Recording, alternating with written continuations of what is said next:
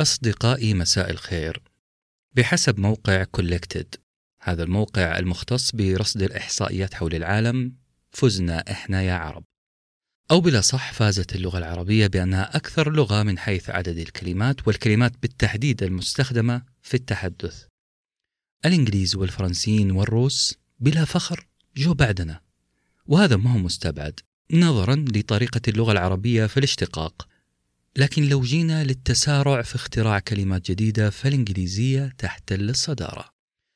اليوم راح نجاوب على سؤال ليه؟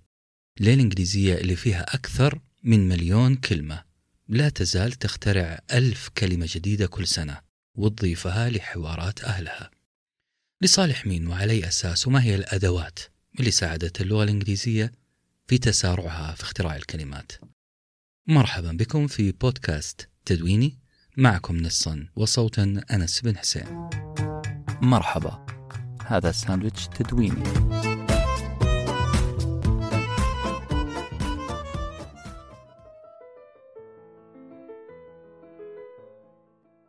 marketing sudoku Brexit hackathon وغيرها من الكلمات هي ضيوف جديدة على القاموس الإنجليزي.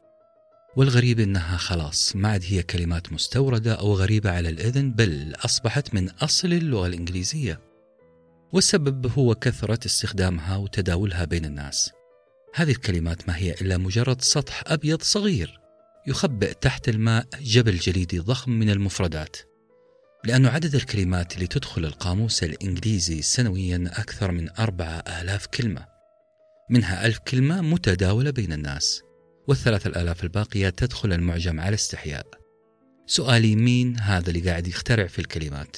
وكيف قاعدة تخترع؟ ومين نشرها؟ ومين خباها؟ أصدقائي لأننا نتكلم عن اختراع الكلمات لابد نذكر أول شخص أثر في مفردات اللغة الإنجليزية وهو شكسبير.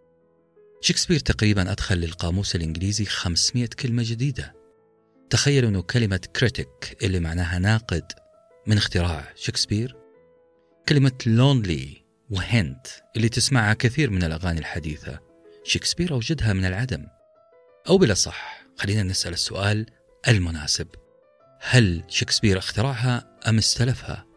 إلى اليوم اللغويين الإنجليزيين يتساءلون عن هذا السؤال هل اخترع الكلمات من العدم ولا التقطها من لغة هنا وهناك؟ لكن هذا ما يخفي حقيقة أن شكسبير واحد من أبرز من أثروا في اللغة الإنجليزية من حيث إضافة كلمات جديدة لكن الحقيقة تقول أنه أكثر شخص أضاف للإنجليزية كلمات هو الشاعر الإنجليزي جون ميلتون. شعراء آخرين كذلك أضافوا للغة الإنجليزية زي بن جونسون وجيفري تشوسر. هذول الشعراء اخترعوا كلمات غاية في الأهمية والاستخدام المتواصل بين الناس زي مثلا كلمة anticipate يتوقع أو يخمن يقدر. كلمة approach اللي هي مدخل. ويونيفيرس عالم. وهنا لابد أن أذكر ملاحظة. أعتقد أنكم لاحظتوها أنه معظم الشخصيات اللي قاعد تضيف كلمات شعراء. وهنا أكيد راح نربط بين اختراع كلمات جديدة والشعراء والشعر. ألا يعطيكم هذا مؤشر على أن الفضل وراء اختراع الكلمات هم الشعراء؟ فضل كبير جدا. واضح جدا أن الشاعر وحاجته لاختيار أدق المفردات اللي تعبر عن وجدانه. هو المحرك الرئيسي لإيجاد كلمات جديدة. ناس حرفتهم الكلام والتعبير عن المكنون. بطريقة أقوى من غيرهم. اللي حاول أقوله هنا أنه مو بس الثقافة والقراءة والاطلاع هي محركات إيجاد الجديد بل المساحة اللي قدامك هي الأهم مساحة الورق مساحة الكتابة. لما تبدأ تكتب وخاصة لما تبغى تعبر عن وجدانك عن الأحاسيس الجديدة اللي عمره أحد ما راح يحس فيها ولن يحس فيها. الأحاسيس اللي ما راح يستوعبها غيرك هذه حالة تضطرك أنك تخترع مفردات جديدة تعبر عنك. مفردات لم يسبقك لها أحد. في مقال في جريدة الجارديان بتاريخ 4 فبراير 2016 المقال بعنوان How New Words Are Born. أو كيف تولد الكلمات الجديدة. الكاتب الإنجليزي أندي بودل رص لنا شوية أدوات من خلالها يلعب الإنجليز في حروفهم يشكلون لغتهم الجديدة. وهنا راح أبدأ على طول مع أشهر طريقة. استخدمها الإنجليز لتوليد كلمات جديدة وغير الإنجليز طبعا. هي طريقة الاشتقاق derivation. الإنجليز أقل حساسية مننا كعرب في موضوع اشتقاق كلمات جديدة من قديمة. واللي بيعرف قصدي يقرأ في النقد الأدبي ونقد الشعر بالتحديد. يقرأ المساجلات اللي حصلت بين العقاد مثلا والرافعي. اقرأ النقد اللي موجه لبعض شعراء العباسيين. لأنهم يشتقون كلمات جديدة غير متداولة عند قدماء العرب اشتقاقات من أصول عربية. اللي أحاول أقوله أنه الإنجليز أقل حساسية مننا من ناحية اشتقاق كلمات غير موجودة سابقا حتى لو كان الأصل عربي. كم هي الكلمات اللي اخترعوها من بادئة زي كلمة hyper؟ وبادئة هنا قصدي prefix. ياخذون كلمة hyper أو هذا الجزء من الكلمة ويضيفون لها كلمة active. hyperactive hyperlink hypermarket بالزوائد هذه الزوائد الابتدائية يستطيع الإنجليز توليد كلمات كثيرة جدا كلها تعتمد على كلمة hyper أي مبالغ فيه أو زائد أو ضخم.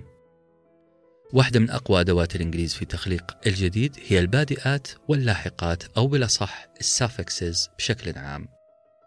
ثاني أشهر طريقة عند الإنجليز هي ال compounding وأعتقد هذه الطريقة ممنوعة عندنا في العربي أو كثير من علماء اللغة العربية يكرهونها ويحذرون منها. compounding يعني تركيب كلمة من كلمتين لكن عادة الإنجليز أنهم يأخذون كلمة يحطون بعدها hyphen أو الشرط اللي في نص السطر ثم كلمة ثانية يعني يدمجون كلمتين وبينهم شرطة. ومع الوقت تختفي هذه الشرطة لتلتصق الكلمتين وتصبحان كلمة واحدة. والأمثلة كثيرة. كلمة day dream breakfast bell out. ترى هذه الكلمتين أول ما دخلت على القاموس الإنجليزي كان بينهم شرطة. اختفت الشرطة والتصقت الكلمتين لتصبح كلمة تغرد لحالها. أداة كومباوندينج واحدة من الأدوات اللي تتميز فيها اللغة الإنجليزية وعشان لا يزعل مني محبي اللغة العربية بلاش نقول تتميز لأنه ممكن يكون هذا عيب. لذلك نقول تتصف بها اللغة الإنجليزية. الأداة الثالثة عندنا اسمها على مسمى repurposing. Purposing يعني توظيف repurposing إعادة توظيف. وهذه تشترك فيها تقريبا كل اللغات. وفكرتها أنك تأخذ مفردة من سياق وتضعها في سياق مختلف تماما إعادة توظيف. يعني الرافعة اللي تستخدم في تعمير البنايات الضخمة الكرين. هذه ما هي كلمة مستحدثة كلفظ لا هي كلمة قديمة في اللغة الإنجليزية وكانت تستخدم لوصف طائر طائر طويل العنق. لكن الإنجليز نسوا هذا الطائر وأخذت كلمة كرين وصار معناها رافعة للتشابه في طول عنق الشيئين اللي تصفهم الكلمة. أتذكر في طفولتي كان عندي هوس بعالم النجارة وليس التجارة النجارة. كنت أحب أنشر الخشب وأستخدم المطرقة لتسمير هذا الخشب في بعض وطبعا تنعيم لوح الخشب كان واحد من هواياتي. ألواح الخشب تجي فيها أشواك أو مناطق خشنة شوية. نستخدم آلة معينة لتنعيم هذا الخشب. كنا نسميها الفارة. وكان هذه الآلة فار يلتهم الرؤوس الزائدة من لوح الخشب. إذا كلمة فارة في العربي خرجت من سياق القوارض إلى سياق النجارة. الإنجليز نفس الشيء بل أقوى. كلمة ماوس معناها فأر. لكن هذه الكلمة صارت تستخدم كثير في عالم الكمبيوتر لأن الفارة الخاصة بالكمبيوتر للماوس تشبه نوعا ما القارض اللي هو الفار ذو ذيل الطويل. الطريقة الرابعة ظريفة شويتين وتتعلق بطفولتي كمان. زمان كنا نتابع المصارعة الحرة يوم الأحد بصوت المرحوم بإذن الله إبراهيم الراشد. كنا نخاف جدا من مصارع فرنسي ضخم اسمه أندري the Giant. أنا وجيلي كلنا حفظنا كلمة the Giant وقرناها بالشكل هذا العملاق أندري the Giant. لكننا حفظناها على أساس أنها اسم لأندري. لين عرفت أنه giant معناها الكائن العملاق في اللغة الإنجليزية. اسم للكائن العملاق ناون وبعد أربعين سنة وأنا أعتقد أنه هذه الكلمة ناون أو اسم. اكتشفت أنه جاينت في الإنجليزية صارت صفة. مجرد صفة لكل من هو أو لكل شيء حجمه غير طبيعي. زي كلمات كثيرة غيرت وظيفتها النحوية. إحنا مثلا حولنا الصفات إلى أسماء. لو فاز المنتخب السعودي نقول مبروك يا الأخضر. وفاز الكويت أو الهلال نقول العب يا الأزرق. أخضر وأزرق صفات تحولت إلى أسماء لوصف المنتخب أو هذا النادي. في اللغة الإنجليزية كذلك تحولت red من كلمة أحمر وكثرة استخدامها عند جمهور ليفربول. صارت اسم وضف لها s الجمع the Reds الحمر. هذه طريقة تشترك فيها برضو بعض اللغات لكن صفة اللغة الإنجليزية أنها تضعها في القاموس كاسم وكصفة. إذا كثر استخدام الصفة كاسم أو الاسم كصفة. واحدة من الأدوات المهمة هي تغير وظيفة الكلمة النحوية. زودت عدد الكلمات الإنجليزية كثيرا وهذه الأداة اسمها conversion أي التحول. الأداة اللي بعدها اسمها eponyms وهذه أداة ظريفة ظرافة نطق الاسم eponyms. باختصار هي أداة تحول اسم شخص أو مكان إلى كلمة مستقلة بذاتها. يعني الاسم العلم. يصير كلمة عادية غير معرفة أحيانا من كثر ما نستخدمها. خليني أعطيك مثال واضح جدا. كلمة مكة. مكة في اللغة العربية معناها مدينة فيها قبلة المسلمين. في الإنجليزي أصبحت كلمة مكة بمعنى قبلة بشكل عام أو أي مكان تتجه الأعناق إليه إعجابا واحتراما. ما صارت مكة اسم علم لمدينة يعظمها المسلمون؟ بل أصبحت اسم لكل مكان تلتف إليه الأعناق. يعني الكلمة تتحول من معناها الخاص زي المدينة إلى معناها العام كقبلة أو وجهة. لف بيتك صديقي وشوف الكم الهائل من الأشياء اللي الإنجليز سموها بأسماء مكتشفيها أو أماكن شهرتها. إحنا في ساندويتش ورقي استخدمنا كلمة ساندويتش واكتشفنا بعدين إنه ساندويتش اسم مدينة. كان أهلها يحطون اللحم بين رغيفين عيش. Alzheimer's مرض سمي على اسم الطبيب ألويس ألزهايمر. كلمة boycott اللي معناها يقاطع أو مقاطعة سميت على اسم الكاتب الأيرلندي تشارلز بويكوت. الصحافة والدوائر الأكاديمية والكلام. يقدر يوظف اسم شخص ويلعب فيه ويحوله من كلمة لها معنى خاص إلى كلمة لها معنى عام وتدخل القاموس الإنجليزي. بالمناسبة، الإنجليز فنانين جدا في الاختصارات. آخذ أول حرف من عبارة فيها خمس كلمات وهوب وأحول لك هذه الأحرف إلى كلمة. أشهر كلمة تقولها لما تودع شخص تقول له goodbye. goodbye يقال إنها الحروف الابتدائية لعبارة God be with you. الله معاك. الإنجليزي بدل ما يتعب ويقول light amplification by stimulated emissions of radiation. بدل ما يقول الضوء المكثف بواسطة إشعاع منطلق بالتحفيز اختصروها إلى ليزر سكوبا اللي هي بدلة الغطس هي مختصرة من عبارة طويلة. بدلة أو جهاز تنفس حافظ تحت الماء. خذ جولة على الكلمات اللي تكونت بواسطة أداة ال abbreviation أو الاختصار وفاجئ حسك الفضولي اللغوي بالكلمات الجديدة المختصرة في اللغة الإنجليزية. وقبل ما نتكلم عن آخر أداة لازم أتكلم عن السلف والدين عند الإنجليز. الإنجليز على قد ما أعطوا اللغات الثانية كلمات على قد ما أخذوا منها ولا زالوا يأخذون. من العرب أخذوا مصطلحات علمية كثيرة أيام نهضتنا العلمية زي الجبرة علم الجبر الكحول القطن الأدميرال الآن قاعدين يأخذون مننا كلمات تتعلق بثقافتنا وخصوصيتنا أشهرها كلمة دخلت جديد. هذه السنة كلمة بشت. البشت اللي لبسه ميسي في نهائي كأس العالم. كلمة لها ثلاثة أو أربع سنوات كلمة هبوب. الهبوب اللي تصف رياح الأتربة والغبار الحارة دخلت الإنجليزي. في كلمات ثانية كثير من الفنلندية والألمانية والفرنسية الإغريقية واللاتينية وحتى من اللغة التاهيتية. كلمة مشهورة جدا تاتو تاتو وأغلب الظن أنها فعلا كلمة تاهيتية معناها النقش على الجلد. وعلى طار النقش على الجلد إحنا عندنا يا عرب كلمة حنة. أخذوها الإنجليز وسموها هنة الشاهد أن اللغة الإنجليزية عندها قابلية عالية للسلف ورد السلف بكل أريحية.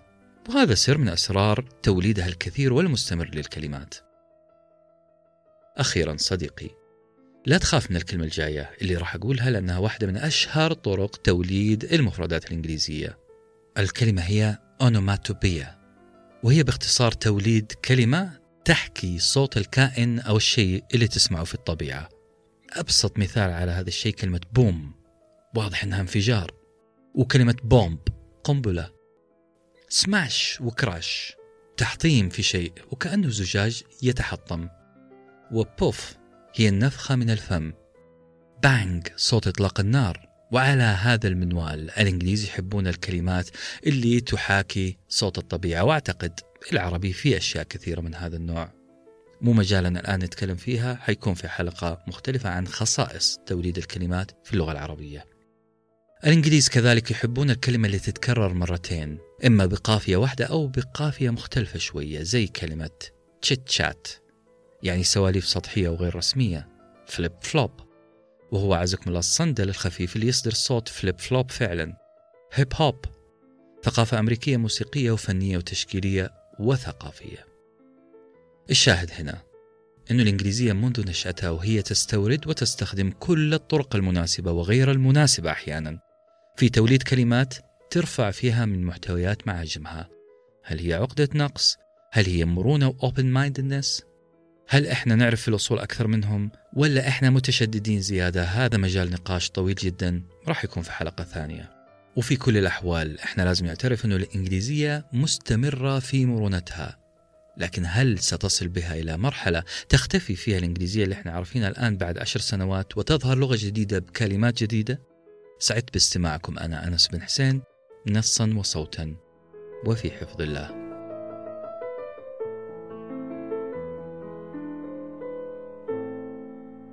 كنتم مع ساندويتش تدويني وجبة معرفية نتشارك لذتها.